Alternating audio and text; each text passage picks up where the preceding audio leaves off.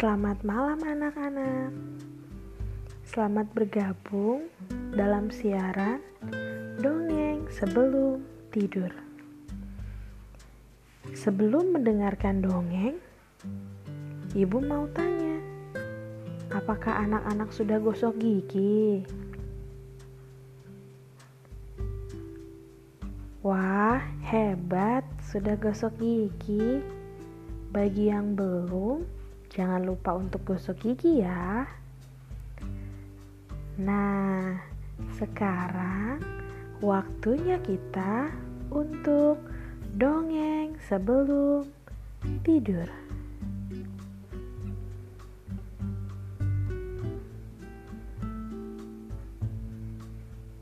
Kali ini Ibu Rani akan mendongeng dengan judul Kisah Tiga Pohon Natal ada tiga pohon Natal yang sedang dipajang di toko. Pohon-pohon itu mulai saling bertanya, kira-kira siapa yang paling berarti dan membuat Natal ini berkesan bagi banyak orang ya? Pohon yang besar mulai menyombongkan diri. Hahaha, orang-orang pasti akan memilihku karena aku paling besar dan Orang banyak bisa berkeliling di sekitarku dan mengagumi aku. Benar saja, pohon Natal besar itu pun dibeli dan dipajang di tengah-tengah sebuah mall atau pusat perbelanjaan. Wow, besar sekali! Wow, pohon Natalnya keren! Semua orang yang lewat melihat dan kagum. Tapi hampir tidak ada yang berhenti di dekat pohon Natal itu dan mengaguminya lama-lama. Mengapa? Karena semua orang sedang sibuk berbelanja. Pohon Natal besar itu pun menjadi sedih karena dia tidak bisa memberi kesan dan arti bagi banyak orang. Di toko masih ada pohon sedang dan pohon kecil.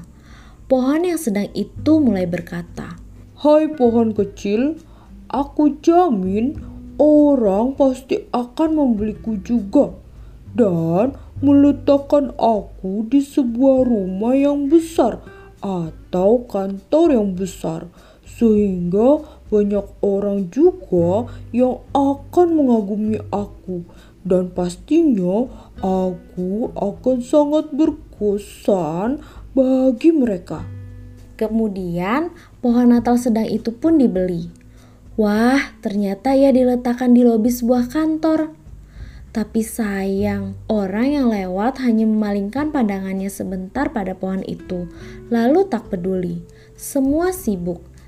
Dan besoknya kantor itu sepi karena libur Natal. Pohon Natal sedang itu pun sedih karena kehadirannya sia-sia. Dan tinggal pohon Natal kecil yang berada di toko. Ia dibeli seorang ayah yang sederhana.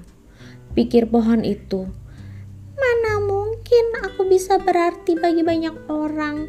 Kelihatannya bapak ini tidak punya keluarga.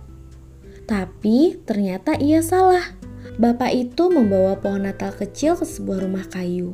Di rumah itu ada opa, oma, papa, mama, kakak, adik, bahkan ada juga paman dan tante. Mereka telah berkumpul untuk merayakan Natal. Pohon Natal itu pun diletakkan di tengah ruangan. Lalu, pada malam Natal, semua orang di rumah itu berkumpul mengelilingi pohon Natal kecil itu sambil bernyanyi memuji Tuhan. Semua tampak gembira. Pohon Natal kecil menjadi terharu. Wah, aku senang sekali bisa hadir dalam keluarga sederhana ini. Aku senang telah memberi arti bagi keluarga ini. Meskipun keluarga ini sederhana, tapi kasih dan sukacita selalu ada di sini. Anak-anak, dari dongeng yang kita dengar tadi, kita belajar bahwa jangan pernah menganggap diri kita kecil dan tidak berarti. Taburkanlah kebaikan, kasih, dan sukacita bagi orang-orang di sekitar kita. Tetaplah peduli pada orang lain dengan apa yang kita bisa. Sekian dongeng sebelum tidur untuk malam ini. Sampai bertemu di dongeng berikutnya. Sebelum tidur, jangan lupa berdoa dulu ya. Selamat tidur, selamat beristirahat. Tuhan Yesus memberkati.